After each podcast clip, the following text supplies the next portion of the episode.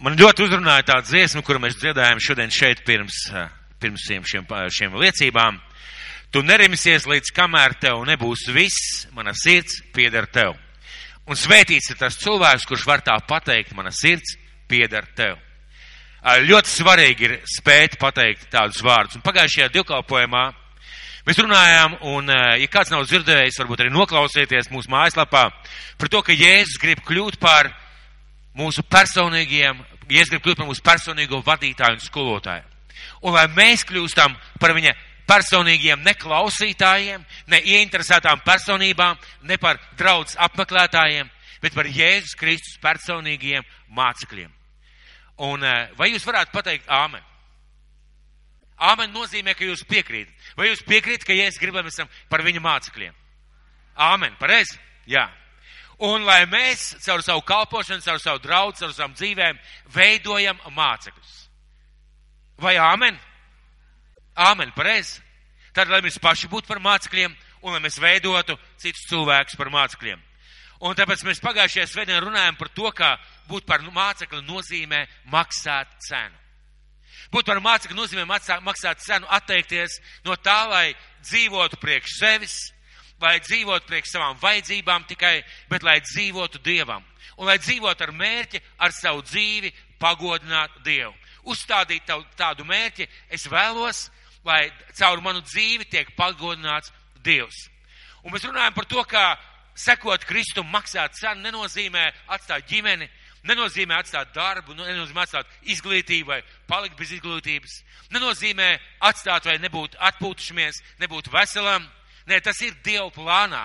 Tas ir Dieva plānā mūsu dzīvē. Ģimene, veselība, finanses. Tas viss ir Dieva plānā. Mēs to varam atrast Dieva vārdā. Bet Dievs mūs aicināja ar šiem vārdiem, kurus mēs tūlīt lasīsim, nedzīvot priekš sevis un neatlikt savu dzīvi uz nākošo laiku. Neatlikt, tad, kad es pabeigšu skolu, tad es dzīvošu priekš Kristus. Tad, kad es nodibināšu ģimeni, aprecēšos, ka mums pietiekuši daudz naudas, tad es dzīvošu priekš Kristus. Ziniet, mums nav ģenerāla mēģinājuma mūsu dzīvē. Mūsu dzīve ir mūsu dzīve šodien, šeit un tagad. Un neapšaubām Dievam ir laiks un veids, kā Viņš mūs māca, kā Viņš mūs veido, bet caur to, ko Jēzus runā par šo cenu, par māceklību, Jēzus saka, ka jums ir jāatstāj šī doma dzīvot priekš sevis. Jānomirst priekš sevis zināmā mērā, ja tā varētu teikt. Jāpaņem tās krusts, ko sekošana nozīmē, un jāsako viņam pa tiem ceļiem, tādā veidā, kā dabas tēvs mūs grib vest. Un atteikties no tā, ka, lai dzīvot priekš sevis, nozīmē uzstādīt mērķi savā dzīvē. Uzstādīt mērķi, es nevis vienkārši esmu ticīgs kristietis vai, vai, māc, vai klausītājs, uzstādīt mērķi, es gribu būt māceklis, un es gribu ar savu dzīvi pagodināt Dievu. Un, ziniet, jo ātrāk, jo labāk. Jo ātrāk, jo labāk ir tik daudz cilvēku, par kur dzīvēm sāp, sāp sirds, redzot viņus, ka viņiem ir cienījumā vecumā, tūlīt, tūlīt pirms aiziešanas, un viņi vēl saka, es vēl neesmu gatavs. Es vēl neesmu gatavs, es vēl neesmu sagatavojies, vai taisni otrā cilvēks saka, es tā īsti neatceros, kāda man ir tie mērķi. Kāda man ir bijusi jēga, kāda bija nozīme manā dzīvē. Ziniet, viena no lietām, ko Dievs ļoti vēlās, ko Kristus ļoti vēlās, lai mūsu dzīvē nebūtu, tā ir pelēcīgi nodzīvota dzīve. Iedomājieties, Dievs, debesis un zemes radītājs, tev ir aicinājis par savu mācekli, aicinājis par savu personīgo sekotāju, un tam visam nāk līdz krāsas. Tam visam līdz nāk piedzīvojumi, notikumi, situācijas, un ja es to neizbaudu, Ļoti iespējams, es neesmu māceklis. Ļoti iespējams, neesmu pieņēmis lēmumu sekot Kristum un būt par viņa mācekli. Un būt par viņa mācekli, jau teicu, nozīmē maksāt cenu un uh, nedzīvot priekš sevis un nedzīvot tā, lai, kad ir grūtības, atstāt šo ceļu. Bet lai caur Jēzus pavēļu pildīšanu, lai caur šiem Dievu vārdiem, caur, ar savu kalpošanu, ar savu sekošanu pagodinātu Jēzus Kristu. Un šodien vajadzētu pajautāt. Šodien katram vajadzētu pajautāt, Eh, un ne tikai eh, jums, arī man, arī citiem cilvēkiem, vai mana dzīve pagodina Dievu? Vai mana dzīve pagodina Dievu? Vai es atnesu Dieva augļus savā dzīvē? Un patiesībā mēs vislielākā vai mazākā mērā uh, zinām vai sajūtam šo atbildi. Zinām vai sajūtam šo atbildi. Un mēs vēlreiz lasīsim Marka evaņģēliju, 8. nodaļu, 31. līdz 38. pants kur uh, es ticu, uh, Kristus uh, šos vārdus šodien saka arī mums. Tātad Marka evaņģēlijas 8. nodaļa no 31. lasīsim, teiksim tā, no 34. Atšķiriet savus bībeles. Marka evaņģēlijas 8. nodaļa no sākot no 34. panta. Un pieaicinājis ļaudis līdz ar saviem mācekļiem, jūs redzat, viņš jau nošķir. Viņš uz tiem sacīja, kas man grib nākt pakaļ, tas, lai aizliedz pats sevi, lai ņem savu krustu un lai staigā man pakaļ. Kāpēc? Jo kas savu dzīvību, jeb savu dzīvi grib glābt, jeb saglabāt priekš sevis, tas to zaudēs. Un kas savu dzīvību, jeb dzīvi, jeb, jeb savu laiku zaudē priekš manis un evaņģēlī dēļ, tas to izglābs. Jo ko tas cilvēkam palīdz, ka viņš iemanto visu pasauli un zaudē savu dvēseli? Un pieminējām arī to, ka būt par mācekli maksā, maksā būt ne tikai maksāt šo, šo cenu, bet tas nozīmē saņemt arī mācekļa augu. Ne tikai maksāt cenu, bet saņemt arī mācekļa augu. Un es vēlreiz gribētu izlasīt šo pēdējo frāzi.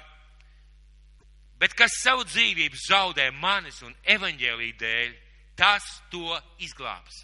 Un šī vieta runā par augu runā par rezultātu, runā par to, kā tam vajadzētu izskatīties rezultātā. Un es gribētu, lai jūs parā, lai šeit pateikt parādās pirmais, eh, pirmais šis attēls, grauds un vārpa.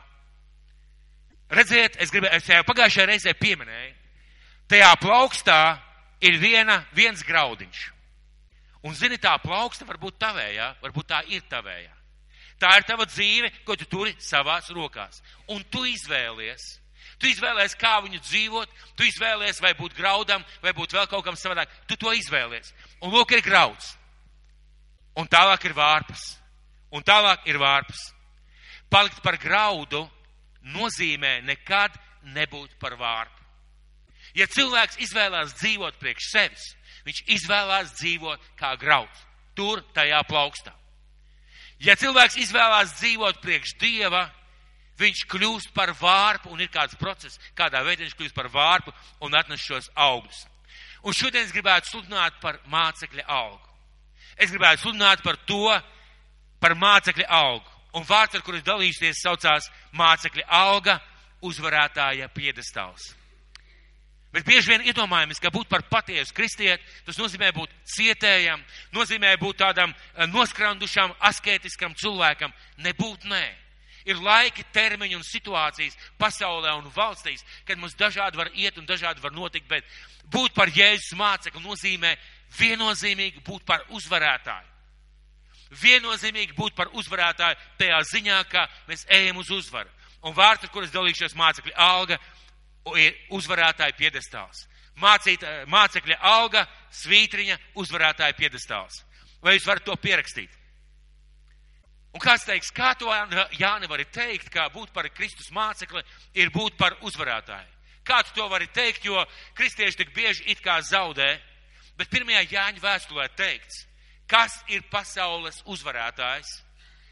Mēs teiksim, Jēzus, protams, protams, bet tālāk teikts, tas, kas tic, ka Jēzus Kristus ir Dieva dēls.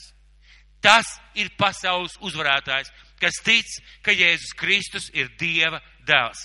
Ko nozīmē ticēt? Tas nozīmē ticēt, ka viņš ir Dieva dēls. Zināt, saprast viņu ceļu savā dzīvē un tā arī dzīvot. Tā arī dzīvot kā uzvarētājiem un tā arī staigāt kā uzvarētājiem. Un es gribu jūs aicināt, dosimies uz vēstuli kolosiešiem, trešo nodaļu, vēstuli kolosiešiem, trešā nodaļa, vēstuli kolosiešiem, trešā nodaļa, no pirmā, no trešā nodaļa, no pirmā līdz ceturtajam pantam. Vēstuli kolosiešiem trešā nodaļa no pirmā līdz trešajam pantam. Un es jau, mēs, mēs jau lasījām pagājušo reizi, bet es gribētu sākt varbūt vairāk ar šo vietu. Ja nu jūs ar Kristu esat augšām cēlušies, tad tiecieties pēc tā, kas augšā, kur ir Kristus, kas paaugstināts pie Dieva labās rokas. Savas domas vērsiet uz augšu, nevis uz zemes lietām. Jo jūs esat miruši Un tagad uzmanīgi, jūsu dzīve līdz ar Kristu apslēpta Dievā. Un šajā vietā svētais gars caur Pāvilu saka, ja nu jūs ar Kristu esat augšām celšies, ja piedzimuši no augšienes, tad tiecieties pēc tā, kas augšā. Domājiet par to, kas nāk no debesīm, kas nāk no augšas, kur ir Kristus, kas paaugstināts pie Dieva labās rokas. Savas domas vērsiet uz augšu, nevis uz zemes lietām. Lūk, būt par mācekli arī nozīmē savas domas vērst uz augšu, nevis uz zemes lietām. Un tālāk trešais pants, jo jūs esat miruši un jūsu dzīve līdz ar Kristu apslēpta Dievā. Ko tas nozīmē? Tas nozīmē, ka jūsu īstā dzīve ir apslēpta Dievā. Tā dzīve, uz kuru Dievs jūs ir aicinājis, viņa ir apslēpta Dievā. Bet jūs šo dzīvi varat atrast, izdzīvot, piedzīvot un nodzīvot tikai tad, ja mēs esam Kristus mācekļi. Es gribu parādīt vēlreiz to graudu, uh, graudu un vārpu. Parādīt uz vēlreiz šo ekrānu. Skatieties, grauds. Viņš izskatās labi. Viņš var būt izkautēts, stāvēt stikla burciņā, vēl labāk kristāla vāzītē vai trauciņā, un viņš var dzīvot it kā priekš sevis. Un mēs tā varam izvēlēties dzīvot. Bet, ziniet, tas nozīmē, ka tas grauds nekad nekļūs par vārpu. Grauds nekad nepiedzīvos vārpas dzīvi. Grauds nekad neatnesīs augļus savā dzīvē, un grauds nekad caur jauno vārpu nedzirdēs vēju šaucam. Viņš tā arī nodzīvo savā sasmukušajā istabiņā. Un ziniet, nelaime tā, ka mēs izvēlamies dzīvot sasmukušās istabiņās. Ka mēs izvēlamies dzīvot tādu pelēcīgu dzīvi, vienmuļu dzīvi, vienkārši nākšanu uz baznīcu dzīvi. Kristus nav aicinājis tādā veidā dzīvot. Es ļoti priecājos par tiem projektiem, par kuriem mēs šodien dzirdējām. Tas ir kāds izaicinājums, kāds izgājiens uz priekšu, lai dzīvotu priekš Dieva. Un piedzīvotu lietas, ko Dievs vēlās, lai mēs piedzīvojam. Ko Dievs vēlās, lai mēs piedzīvojam. Un ziniet, ko šajā mirklī dara grauds? Viņš dzird tādus vārdus. Nē, nē, nē, nē. Šitā jau ne. Dievs jau ir mīlestība. Dievs jau visu pārklāja, piedod. Mēs lasīsim tālāk par to, un mēs runāsim. Ziniet, tā gluži nav. Kāpēc Jēzus teica, ja jūs gribat man sekot? Nē, ja tu negribi sekot, nav problēma. Bet ja tu gribi sekot, ja tu gribi piedzīvot to dzīvi, to vārpas dzīvi, tu nevari palikt grauds. Un, lai tu nepaliktu, palik, palik, būt, nepaliktu par graudu, tev ir jānomirst, lai dzīvotu priekš sevis. Un kādā citā vietā, ja es runāju un teicu, ka ja grauds nenomirst priekš sevis, viņš, ne, viņš, viņš, ne, viņš nekad neatnes augļus. Bet par to mēs šodien tālāk vairs nerunāsim. Un, ziniet, mēs esam pa vidu. Vai jūs redzat to svītru pa vidu? To svītru pa vidu. Starp plaukstu un starp šīm vārpām. Redzat to strīpu? Mēs šobrīd šajā dievkalpojumā esam šeit pa vidu. Un es ticu, ka daudz ir tajā pusē, ka atnes augļus. Bet mēs šodien šajā dievkalpojumā runājam par šo vidus līniju, par šo vidus līniju, uz kuras mēs it kā stāvam. Un kāda ir mācekļa alga? Es gribētu runāt par tādu sportisku piemēru, jo Pāvils to lietoja. Un uh, es runāšu par to, kā par skrējienu mūsu dzīvēm. Un es negribētu uzreiz doties uz piedestālu, kur mēs saņemam šos te, šos te augļus, jeb medaļas, jeb augu, par ko mēs arī runāsim, bet izsekosim to ceļu, jo arī ceļš ir alga. Mēs zinām, ka mūsu īstā piedarība ir debesīs. Ka mēs iemantosim mūžīgo dzīvību, ka mēs dzīvosim ar Dievu mūžīgi un tur nebūs garlaicības, skumjas, sāpes vai asaras. Mēs to zinām. Bet ziniet, arī šis skrējiens kopā ar Dievu Arī šī dzīve kopā ar Dievu, arī tā ir alga. Un es gribētu kopā ar jums izdzīvot, jeb noskriet šo skrējienu. Un Pāvils pirmajā vēstulē korintiešiem. Atšķiriet pirmo vēstuli korintiešiem. Pirmā vēstule korintiešiem. 9. nodaļa no 24. līdz 25. pantam. Pirmā vēstule korintiešiem, 9. nodaļa no 24. līdz 25. pantam.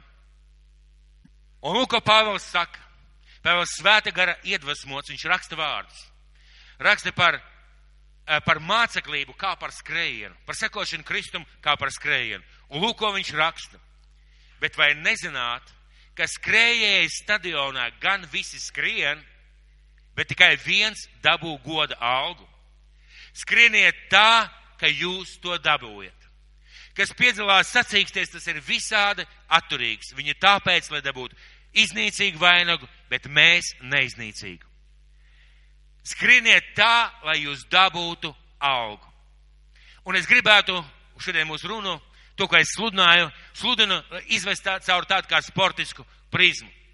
Kā piemēru, jūs ziniet, pirmām kārtām piedalīšanās kādā sporta sacensībās, ņemsim olimpiādi. Tas jau ir uzvara priekš sportista. Olimpiskās spēles tas ir augstākais punkts sportista karjerā.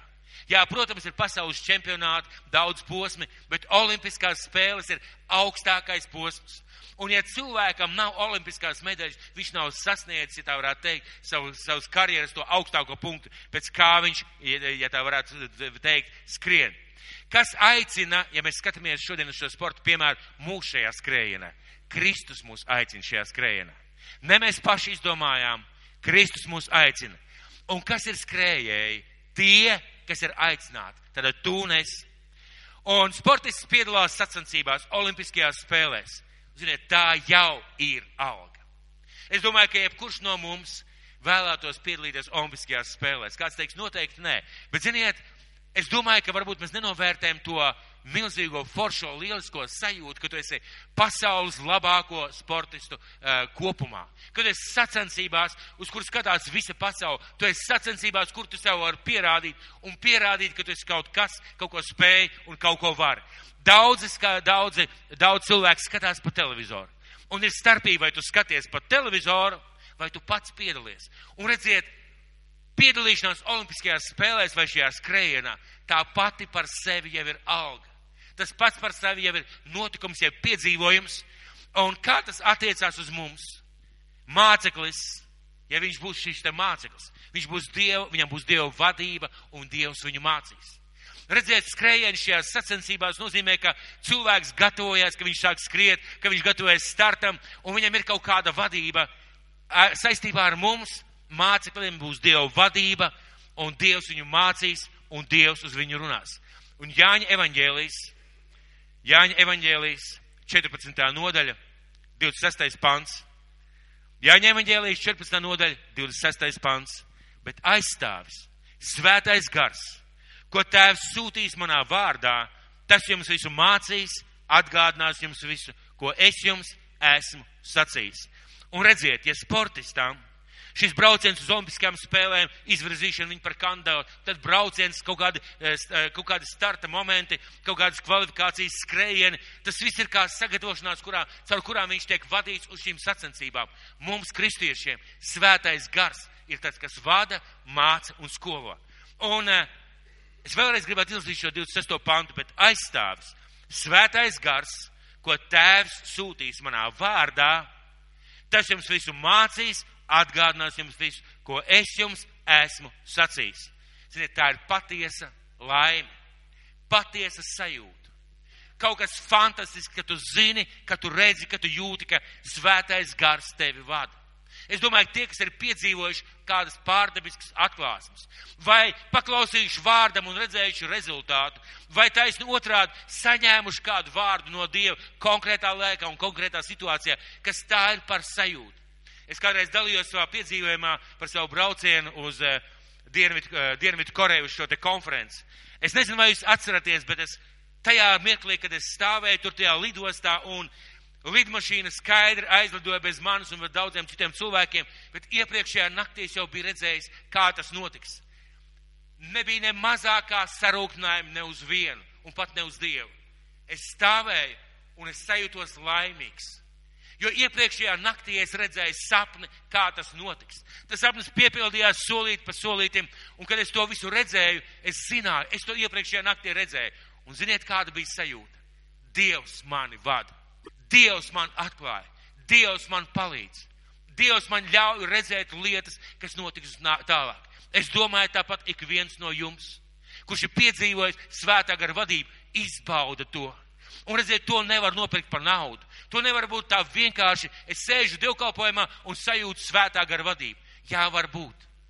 Bet ziniet, kas ir? Ir daudz svarīgāk, daudz spēcīgāks izjūts un sajūts, ja svētais gars paņem tev mācu. Un kas šeit rakstīts? Kam tas ir rakstīts? Bet aizstāvis svētais gars, ko tēvs sūtīs manā vārdā, tas jums visu mācīs un atgādinās jums visu, ko es jums esmu sacījis. Ko tas nozīmē? Tas nozīmē, ka svētais gars būs tavs vadītājs. Vai tu sēdētu dievkalpojumā? Vai tu domā tikai par savu dzīvi un svētais gars būs tavs vadītājs, kā vairāk nopelnīt? Vai svētais gars būs tavs vadītājs, kā labāk svētdienas dienā atpūsties? Jā, iespējams. Bet ja mēs runājam par to, ka Kristus aicina mūs sekot, tad svētais gars būs tas, kurš vadīs, mācīs, rādīs, kā kalpot, ko darīt, kādā veidā kalpot. Tad svētais gars būs tas, kas to mācīs, rādīs un darīs. Ko tas nozīmē? Tas nozīmē, ka tā ir tāda patiesa Dieva vadība, ko piedzīvos e, māceklis. Ziniet, dosimies atkal uz sporta arēnā. Sportists skrien. Viņš uzvar barjeras lūdzu. Sportists skrien. Es domāju, ka šo te lūdzu parādiet barjeras. Es domāju, ka, es domāju, ka mūsu dzīve, ja tā varētu teikt, varētu salīdzināt ar barjeru skrējienu. Jeb māceklī varētu salīdzināt ar barjeru skrējienu, kur ir visādi šķēršļi.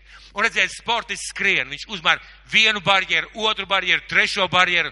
Viņš skrien, uzvar sevi, uzvar varbūt savu, uzvar distanci, uzvar lietas, ar ko viņš sastopās šajā skrējienā, un viņš jūt spēku. Un viņam ir gandarījums, viņam ir balva, viņam ir sajūta, tu esi īstajā vietā un īstajā laikā. Un tā jau ir alga. Tā mīļie jau ir alga. Kad cilvēks spēj, var un ka viņam izdodas tādā veidā skriet. Dosimies atkal uz māceklību, mācekļu gadījumā. Kā tas ir mācekļu gadījumā, šis ir skrējiens, kad ir spēks, varēšana, pārliek skriet uz tālāk. Apustuļu darbu grāmata. Pirmā nodaļa. Ceturtais un ceturtais, piektais un astotais pants. Vai jūs atšķirat savas bībelēs vai pierakstat? Apustuļu darbu grāmata, ceturtais, piektais un astotais pants. Un to sapulcinājis, viņš tiem pavēlēja. Neaiziet no Jeruzalemes, bet gaidīt tēva apsolījumu ko jūs viņš sacīja, no manis esat dzirdējuši. Jo Jānis gan ir kristījis ar ūdeni, bet jūs tiksiet kristīti ar svēto garu pēc nedaudz dienām. Un astotais pants.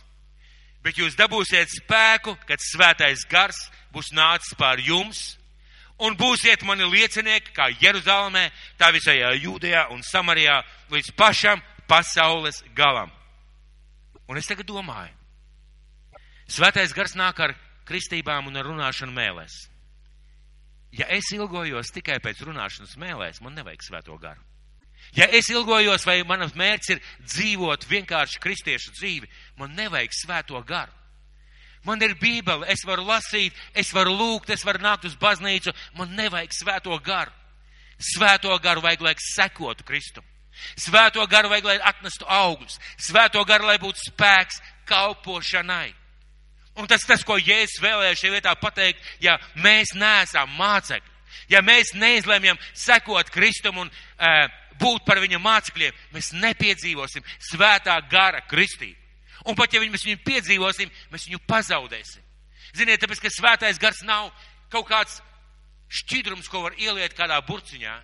Vai kaut kādu lietu, ko tu vari iebāzt kabatā. Svētais gars ir gars, kas ir dots kalpošanai. Un kā šeit Jēzus saka, jūs dabūsiet spēku, ka svētais gars būs nācis par jums un būsiet mani liecinieki, kā Jeruzalemē, tā visā Jūdijā un Samarijā. Un līdz pašam pasaules galam. Un būsiet mani liecinieki. Liecinieks vienmēr ir māceklis. Un māceklis vienmēr ir liecinieks. Liecinieks par Dievu darbiem. Un es jau pagājuši reizi teicu, Mēs nesludinām perfekto evaņģēliju. Mēs nesludinām perfekto māceklību, jau perfekto Kristus sekošanu Kristum. Mēs sludinām par to, ka mums jābūt izvēlei sekot Kristumu, jādomā un jākļūst par mācekļiem. Un māceklis var kļūdīties. Māceklis var paklupt. Māceklis var, var izdarīt muļķības un izdarīt nepareizas lietas, bet viņš var un viņš ceļās augšā, lai ietu tālāk. Tas ir ļoti svarīgi ar, un, eh, lai parādītu šo liecību par Kristu ar savu kalpošanu, ar savām dāvanām un ar savām uzvarām. Man ļoti uzrunāja kādā reizē, kādā, kādā, kāds stāsts par kādu evanģelizāciju. Nezinu, varbūt esmu dalījies, varbūt nē. Bet uh, bija liela evanģelizācija, nāca priekšā liecināt par Dievu darbiem dažādi cilvēki, sportisti, Sportisti locīja dzelžus, plēsa grāmatas, nāca kādu sludinātāju, nāca kādu mūziķi, nāca vēl kādi uh, cilvēki pazīstami sabiedrībā, stāstīja, ko Dievs ir izdarījis viņu dzīvē. Un atnāca, atnāca izbrauc priekšā uz skatuves arī kāds invalīds ratiņos un stāstīja par to, kā viņš izdzīvo savu kristietību un sekošanu Kristum. Un pēc, pēc šīs evanģelizācijas bija kāds cilvēks, kas atgriezās, atdeva savu dzīvi Kristum un pēc tam bija tāda neliela tā aptauja šiem cilvēkiem un vienam cilvēkam pajautāja. Droši vien, ka daudz cilvēku, varbūt katram bija savādāk, bet ir tikai stāsts saglabājies par šo vienu cilvēku. Viņam pajautāja, kas tevi no tā visa uzrunāja. Un tas, ko viņš teica, tas invalīds. Ne tie sportisti, ne tie mūziķi, bet tas invalīds. Ja viņš savā stāvoklī, ja viņš savos ratiņos sēžot, var apliecināt Jēzu par kungu un pateikties Dievam par viņam dāvāto dzīvi, tas nozīmē, ka Dievs ir īsts ka Dievs ir reāls, ka arī es varu piedzīvot Dievu un staigāt kopā ar Dievu. Tātad svētais gars. Skrējējis skrien pārlec barjeras un piedzīvo šo spēku izpausmu sevē, strādā viņa muskuļi. Mūsos kristiešos, ja mēs nolēmjam sekot būt par mācekļiem, strādā svēta gara spēks, kad mēs ejam uz priekšu un uzvaram un izdaram tās lietas. Un lūk, finiša līnija. Atgriežamies sporta laukumā. Finiša līnija Agrāk cilvēki pārāva lentīs, tagad ir dažādas sacensības, tagad ir finiša līnija un uh, tiek fiksēts, tad elektronis tiek fiksēts, kurš pirmais pārskrien šo līniju. Un iedomāsimies šo finiša līniju. Dos, uh, šo finiša līniju sportists pārskrien pār šai līnijai. Viņš ir uzvarējis, viņš ir aizskrējis līdz garam. Ja tas ir maratons, tā viena ir uzvara noskriet 42 km. Viņš ir aizskrējis līdz galam. Un kādai jābūt sajūtai? kad esi pārskrējis pār šai līnijai, un tu zini, ka tu esi uzvarējis. Tu zini, ka daudzi skrēja, bet ka tu esi uzvarējis. Tu esi aizgājis līdz galam, pat ja tu pa ceļam pakriti, apgāzies, vai tev neizvē, nepaveicās. Mēs kādā no vīriešu konferencēm skatījāmies kādu satriecošu video, ja tev gribētu teikt, kas ir nofilmēts Olimpiskajās spēlēs, ja nemaldos par kādu sievieti, kura dabūja, kura dabūja zelta medaļu.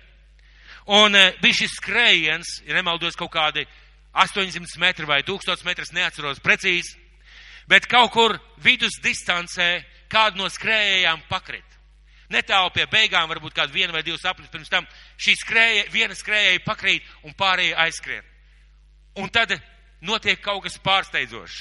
Šī sieviete, kura pakrita, viņa pieceļās kājās un varētu taču doties atpakaļ uz vietu vai lēnā garā noskriet. Taisni pretēji. Var redzēt, ka viņā parādās iekšā šī dzirksts, šī dusma, šī, šis entuziasms, un viņa sāk skriet, un skriet daudz ātrāk nekā viņa skrēja pirms tam. Un kameras seko līdzi un tikai var pabrīnīties, kā šī sieviete sākot no beigām apdzen vienu, otru, trešo, ceturto, piekto, un pie finiša līnijas viņa uz, izrauj uzvaru. Ko tas nozīmē? Tas nozīmē, ka pēc tam es domāju, ka viņai bija vienkārši pilnas acis ar asarām. Pateicība tam, ka viņi spēja to izdarīt, mīļie draugi. Un iedomāsimies, tu esi uzvarējis, tu esi pārskējis pār šai līnijai. Tu ap, apsveicēji, līdzjutēji tev apgavelē, treneris sit uz pleca, un tu lēnā garā dodies uz finišu. Tu lēnā garā dodies finišu, un tu jau zini, kas notiks. Tu esi uzvarējis, tev jau ir medaļa, jau vēl, bet tev vēl nav viņa rokā. Bet tu jau ej uz šo te piedestālu un tūlīt, tūlīt, ziniet, kāpēc daudzi sportisti raud. Mēs teiksim prieka asaras. Mēs, do, mēs teiksim prieka asaras, bet ziniet, kāpēc sportisti bieži vien raud? Jo viņi zina, ko viņi ir maksājuši par šo medaļu. Viņi zina, ko tas viņiem ir maksājis, ko tas viņiem ir nozīmējis, un mēs dzīvojam laikmetā, kad viss liekas ārkārtīgi vienkārši. Kad par biznesu man var pateikt, ja viņš brauc ar labu mašīnu, viņš to mašīnu vienkārši ir nozadzis. Mēs nezinām, ko viņš ir maksājis par šo mašīnu, vai ko viņš ir maksājis, lai nopirktu šādu mašīnu. Kad mēs skatāmies uz basketbolistiem, piemēram, uz to pašu porziņu vai uz vēl kādām slavenībām, liekas tik viegli. Un, ziniet, kā kāds sludinātājs teica, mēs dzīvojam laikmatā, kad cilvēku uz uzvarām skatās ar ārkārtīgu vieglumu. Viņam vienkārši padodās, vienkārši sanāk, vienkārši izdodās laimes izredzētais. Lielākā daļa no šiem sportistiem maksā ļoti augstu cenu par to, lai labi spēlētu, lai ātri skrietu, lai labi izskatītos, ja tā varētu teikt, šajā sporta pasaulē. Un lūk, sportists dodas uz šo sportists dodās, lai piedzīvot šo, šo, šo rezultātu, un viņš nostājās aiz šī piedestāla. Viņš nostājās aiz šī piedestāla, viņš stāv. Viņš stāv un gaida to mirkli, kad šajā arēnā tiks pasludināti, ka tagad tiks apbalvoti šie te uzvarētāji. Un ļoti bieži sportisti raud. Kā tas izskatās mācekļu gadījumā? Kā tas izskatās mācekļu gadījumā? Dosimies uz mācekļa dzīvi. Un Mateja evaņģēlijas 25. nodaļa, 1 līdz 10. pants. Mateja evaņģēlijas 25. nodaļa no 1 līdz 10. pantam. Atšķiriet lūdzu savās bībelēs. Mateja evaņģēlijas 25. nodaļa no 1 līdz 8. līdz 10. pantam. Tad debesu valstība, Jēzus stāsta līdzība, būs līdzīga desmit jaunavām, kas ņēma savus lukturus un izgāja līgavainim pretīm. Bet piecas no tām bija ģeķīgas un piecas bija gudras. Jo ģeķīgās ņēma savus lukturus, bet eļļas tās nepaņēma sev līdzi. Bet gudrās paņēma sev līdzi ar lukturiem arī eļļu savos traukos. Kad līgavains kavējās, tad viņas visas iesnauda un gulēja bet nakts vidū balss atskanēja. Redz, līgavainis nāk, izeita viņam pretīm. Tad viss jaunums cēlās un sakārtoja savus lukturus. Bet ķeķīgās sacīja gudrajām, dodiet mums no savas eļas, jo mūsu lukturi izciest. Bet gudrās atbildēja un sacīja, tā ne. Lai nepietrūkst mums un jums, bet noiet labāk pie pārdevējiem un pērciet sev ka tās aizgāja pirkt, nāca līgavainas, kas bija gatavas, iegāja ar viņu kāzās un durvis aizslēdza. Sportists nostājās pie piedestāla. Un tūlīt sāksies apbalvošana. Un šī ieiešana pa šiem te vārtiem, ja tā varētu teikt, pie, pie līgavaini, varētu nosaukt līdzīgi kā šī nostāšanās aiz šī piedestāla, lai saņemtu algu, lai saņemtu šo apbalvojumu. Vēl nav, vēl nav noticis, bet durvis atverās un līgavas, kas bija gatavs, iegāja viņu kāzās un durvis aizslēdza. Es redzu šeit mācekļus. Es zinu, ka šeit pa šiem vārtiem, pa šiem durvīm iegāja reāli mācekļi, kas bija izdarījuši to, ko Jēzus teica saka, atstājuši sevi, aizlieguši sevi, paņēmuši savu krustu un sekojuši Kristum pakaļ. Bet ir cilvēki, kas ir bijuši klausītāji apmeklētāji, ieinteresētās personas, filozofi, ja tā varētu teikt. Pēc tam atnāca arī pārējās jaunās un sacīja, tad ticīgi cilvēki, kungs, kungs, atdari mums, bet es atbildēju un sacīju, patiesi es jums saku, es jūs nepazīstu. Vai tā var būt? Nu, bet es taču gāju uz baznīcu. Bet es taču, es taču kādreiz ziedoju. Bet es taču apliecināju Jēzu par tevi par savu kungu. Kāpēc Jēzus šos vārdus pasaka? Tā arī būs. Diemžēl, bet tā arī būs. Un kādam varbūt tā ir prieka vēsts, kādam varbūt tā ir bēdu vēsts. Bet tās atbildēja un sacīja, patiesi es jums saku, es jūs nepazīstu. Bet, atbild, bet tas atbildēja.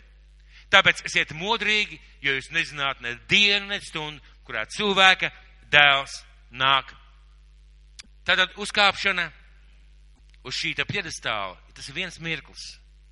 Pēc mirkļa šis sports būs uz piedestāla. Šeit iet runa par to, ka viņas iegāja, kāzās un durvis aizvērās. Un tad ir apbalvošana. Un es aicinu parādīt fotografiju. Un tad ir apbalvošana. Vai šie cilvēki izskatās laimīgi? Vai šie cilvēki jums izskatās laimīgi? Nu, brāļi, māsas, nu, nu, nu, vai viņi izskatās laimīgi? Protams, ka laimīgi. Ziniet, kāpēc? Viņi ir uzvarētāji. Viņi ir uzvarētāji. Jā, visiem nav pirmās vietas, bet ir otrā, pirmā un trešā vieta. Pirms tam bija mirklis, ka viņi stāvēja pie šī piedestāla, pēc tam viņi uzkāpa šī piedestāla, un tagad ir apbalvošanas mirklis kad skan himna, aplausi, prieks, gavilas, un šie cilvēki ir laimīgi. Kāpēc? Mācekļu gadījumā. Kāds izskatās mācekļu gadījumā? Dosimies uz Jāņa evaņģēliju. Jāņa atklāsmes grāmatas atvainojas septīto nodaļu. Jāņa atklāsmes grāmata, septītā nodaļa, 7. Eh, nodaļa 9 līdz 17. Jāņa atklāsmes grāmata 7. 7. nodaļa no 9. līdz 17. pantam. Atšķiriet lūdzu savās bībelēs. Tad 7. nodaļa no 9. līdz 17. pantam. Pēc tam es redzu, es redzēju un raugi liels pūks, ko skaitīt neviens nevarēja no visām tautām, ciltīm, tautībām un valodām, stāvēja goda krēsla priekšā un jēra priekšā, apģērbti baltās drēbēs un ar palmu zariem rokās. Un sauca skaļā balsī, pestīšana pieder mūsu dievam, kas ēd goda krēslā un jēram. Visi eņģeļi stāvēja ap goda krēsla vecajiem un dzīvajām būtnēm un metās ar savu vaigu goda krēslu priekšā un lūdza Dievu sacīdami. Tiešām, teikšana un slava, gudrība un pateicība, gods, vara un spēks mūsu Dievam mūžu mūžos āmen. Tad viens no vecajiem sacīja man, tie, kas ģērbti baltās drēbēs, kas viņi un no kurienes viņi nākuši. Vēlreiz fotografija ar uzvarētājiem. Un lai šī fotografija paliek. Es viņam atbildēju, mans kungs, tu to zini. Un viņš man sacīja, šie ir tie, kas nākuši no lielām bēdām un savas drēbes mazgājuši un tās balinājuši jēra asinīs. Tāpēc tie ir Dieva goda krēslu priekšā, kalpo viņam dienām un naktīm viņa namā. Un tas, kas sēd goda krēslā, mājos pie viņiem. Tiem vairs nav bada, tiem vairs neslāps, ne saule, ne cits kāds karstums tos nespiedīs, jo jērs, kas pašā vidū goda krēsla priekšā, tos ganīs, tos vedīs pie dzīvības ūdens avotiem, un Dievs nožāvēs visas asaras no viņu acīm. Dievs nožāvēs visas asaras no viņu acīm. Runa ir par šādu mirkli. Tikai jau debesu valstībā. Un ziniet, tā ir alga, ka tev nav asaru Tev, tā ir alga, ka tev nav bēdu, tā, tī, tā ir alga, ka tu esi debesīs, bet ziniet, kas ir vislielākā alga. Un jērs, kas pašā vidū godi krēslu priekšā, tos ganīs un vedīs pie dzīvības ūdens avotiem, un Dievs nožēvēs visas asaras no viņa acīm. Vai jūs atceraties, ko Jēzus teica? Kas grib man sekot? Lai atstāj, lai atsakās no sevis, lai paņem savu krustu un seko man pakaļ. Lūk, rezultāts. Jo jērs, kas pašā vidū goda krēslu priekšā, tos ganīs un tos vedīs pie dzīvības ūdens avotiem. Lūk, ir rezultāts. Tam, ka šie cilvēki bija par mācekļiem. Tam, ka viņi paņēma savu krustu, atteicās no sevis un arī sekoja. Lūk, apbalvošanas mirklis. Triumfa brīdis Un mēs zinām, ka tālāk ir jaunas debesis un jauna zeme. Un tagad it kā bilde noslēdzās. Ekrāns priekškars aizvarās, gaisma nodziest kinoteātrī, un mēs atgriežamies atpakaļ. Šodien, šeit un tagad. Mēs redzējām sportu, mēs redzējām šīs te māceklības pakāpes vai ceļus, teiksim, kā varētu teikt, šos uh, algas Un tagad atgriezīsimies atpakaļ šeit, šodien un tagad. Un ja es saku Jāņa evaņģēlī 15. nodaļā, Jāņa 15, 7 līdz 8. Jāņa evaņģēlīs 15. nodaļa, 7. un 8. pants. Ja jūs paliekat manī, un mani vārdi paliek jūsos, jūs varēsiet lūgt, ko gribat, tas jums notiks. Ar to mans tēvs ir godā celts, ka jūs nesat daudz augļu un topat par maniem mācekļiem. Un topat par maniem mācekļiem. Vēlreiz uz ekrāna graudu un vārpas. Tā ir Dieva sirds. Tā ir Dieva vēlēšanās, lai mēs būtu par viņu mācekļiem. Tā ir Dieva vēlēšanās, lai mēs katrs personīgi būtu viņa sekotājs būtu cilvēks, kurš seko viņam pa pēdām savā dzīvē. Tā ir Dieva sirds. Ziniet, kāpēc tā ir Dieva sirds? Viņš grib tevi redzēt tur, uz tās stikla jūras. Viņš grib tev kāpot, tad, kad tu būsi uzvarējis un iegājis pa šīm durvīm. Viņš vēlās tevi redzēt tur, tajā vietā, kad esi aizgājis līdz galam. Bet ziniet, kur piedzimst šī izvēle? Viņa nepiedzimst urā saucienos. Viņa piedzimst šeit. Viņa piedzimst tavā sirdī iekšā, kad tu pieņem lēmumu. Es vēlos, lai mana dzīve pagodina Dievu. Vai esmu skolotājs, vai esmu zinātnieks, vai esmu celtnieks, vai esmu vienkārši mehāniķis, vai esmu mācītājs, vai esmu kalpotājs, lai mana dzīve pagodina Dievu. Lai esmu tajā vietā, kur Dievs mani vēlās redzēt. Lai esmu tajā vietā un esmu uzticīgs, lai arī grūti, lai arī gribās doties uz labākām vietām, uz siltākām vietām, uz jaunākām vietām. Lai arī kā gribētos, tu paliec tajā vietā, kur Dievs ir vēlējies, lai tu paliec. Un tu nes šos augļus. Un, eh, ziniet, pretī, pretīm tai balvai, ko Dievs mums ir apsolījis, pretī tai balvai ir šis te lēmums. Es vēlos, lai mana dzīve pagodina Dievu. Kāds varētu uzdot jautājumu? Ja es nebūšu aktīvs, ja es nebūšu dedzīgs kristietis, ja es nebūšu tāds aktīvs sekotājs, es vienkārši nākšu, es būšu labs cilvēks, labs kristietis, vai es neiemantošu debesu valstī, vai es neiemantošu Dieva žēlastību, vai es ne, neiešu debesīs, Bībele saka, ka varbūt, ka tu tiksi.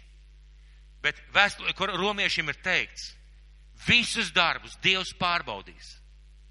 Un ja kāds tiks izglābts, viņš var tikt izglābts kā caur uguni. Un ziniet, ko es personīgi ļoti nevēlētos? Es domāju, neviens no mums ieiet debesīs kā apdegusi pagale. Ieiet debesīs kā apdegusi pagale, kurai nekā nav ko paņemt līdzi, vienīgi, vienīgi kailā dzīvība. Bet ot, no otras puses, No otras puses, tas, ko Dievs mūs aicina, Bībele saka, ka mēs varam būt uzvarētāji. Un kā tev liekas, kā ir labāk? Šos 80, 90, 100 gadus sekot Kristum, pieņemt lēmumus, darīt viņa darbus, paciest kādas grūtības, paciest kādas nērtības, paciest lietas, no kā tev jāatsakās un kļūt par to vārpu, kur stāv Dieva priekšā ar augļiem un bagāti atalgot vai būt par to graudu nodzīvot 80 gadus priekš sevis, savām vajadzībām, savām nepieciešamajām lietām, nodzīvot priekš sevis, un tā arī viens pats, ja tā varētu teikt, aiziet mūžībā. Un ziniet, kā apdegusi pagale. Kā apdegusi pagale. Vai kā grauds, kas kļuvis par vārpu. Kā uzvarētājs. Un es vēlreiz gribētu izlasīt šo te no pirmās Jāņa vēstules, piektās nodaļas, piektais pāns. Kas ir uzvarētājs. Tikai tas, kas tic, ka Jēzus Kristus ir Dieva dēls. Tas ir uzvarētājs. Tas iemanto debesis, tas iemanto Dieva apsolījumu, tas iemanto tās lietas, ko Dievs vēlās mums dot. Un kā jau es teicu, šajā zālē ir vārpas, bet diemžēl šajā zālē ir arī graudi. Diemžēl kristīgajā pasaulē ir daudz vienkāršu graudu. Vienkārši cilvēki, kas dzīvo un dzīvo priekš sevis, savā samulsumā, neskaidrībā. Un, ziniet, ja šodien mēs paskatāmies uz nākotni, es domāju, ka, un esmu pārliecināts, ka tā dzīve, kas ir apslēpta Kristū, tā ir izcila dzīve. Tas ir izcils, unikāls aicinājums ikvienam no mums. Un nodzīvot šo dzīvi nozīmē iemantot dzīvību un dzīvi kopā ar Kristu šeit un tagad un iemantot debesu apsolījumus. Tā ir mūsu alga. Un nepavēltas vārds, ar kuru šodien dalījos, mācekļa alga, uzvarētāja piedestāls. Mēs visi esam aicināti būt uz šī piedestāla. Tu esi aicināts. Un Dievs stāv un gaida. Kā sākās šis ceļš šo piedestālu, pirmām kārtām, kā es teicu, jāpieņem Jēzus par savu kungu un savu glābēju. Jānotic, ka viņš ir Dieva dēls. Jānotic, ka viņš tevi aicina viņam sekot. Jāpieņem viņš par kungu glābēju. Jākristās, jāslēdz derības ar Dievu. Jāiestājās draudzē, jāsāk sekot, jāsāk kalpot ar savām dāvanām. Ir daudz, kas jā, jā, jā, jā. Bet tas ir sekošana Kristum cena. Un pēc tam nāk alga. Lai debes tēvs mūs visus uz to svētī. Lai debes tēvs mūs visus uz to svētī. Un es gribētu aicināt šeit slavēšanas komandu skatos. Un es gribu aicināt, vēlreiz dziedāsim kopā šo dziesmu. Tu neliksies līdz, kamēr tev nebūs viss. Mana sirds pieder tev. Un es jūs gribētu lūgt. Dziedāsim šo dziesmu. Un lai šī dziesma, lai šī dziesma ir tas, kā tu domā, kā tu redz, kā tu izdzīvo savu ticību Kristum, kā tu izvēlēsies staigāt viņam, jo viņš tev mīl, viņš ir piedodošs, viņš tev var pacelt jebkurā mirklī, var izvilkt no jebkura purva, var izvilkt no jebkuras situācijas, kas ir tavā dzīvē. Ja tev ir 90 gadi, un tu klausies šo divkalpojumu par radio vai kaut kur citur, tev ir jāzina, tu vari kalpot Dievam. Tu tieši šodien vari kļūt par mācekli, ja tu sēdi šodien, ja tu savā dzīvē nesi Jēzu pieņēmis, ja tu vienkārši esi Ramdans sekotājs, es tev aicinu atgriezties, vienkārši atgriezties, uzticies tam, ka viņš vēlās iedot tev īsto dzīvi. To, kuru tu esi aicināts redzēt, kuru esi aicināts piedzīvot, to, par kur rakstīts vēstulē kolušiem. Šiem jūsu dzīve ir apslēpta Dievā. Izvēlies šo dzīvi. Izvēlies viņam sekot, atdot viņam savu dzīvi un kalpot no visas savas sirds, no visas savas dvēseles, no visa savu prātu un no visa sava spēka. Un izvēlies ieraudzīt sevi. Tur uz tā piedestāla. Izvēlies ieraudzīt sevi. Tur pie tā troņa. Izvēlies ieraudzīt sevi. Tur Jēzus Kristus klātbūtnē. Tu taču tik daudz par to sapņojis. Tu tik, tik daudz esi runājis par to un lūdzu. Tu tik, tik daudz esi bijis iedomājies, kā būtu, kā būs kādreiz tur pie tā troņa. Šodien, šeit un tagad, tajā līnijā pa vidu starp vārpu un plaukstu ar graudu, tur sākās sekošana. Lai debes tēvs mūs svētī.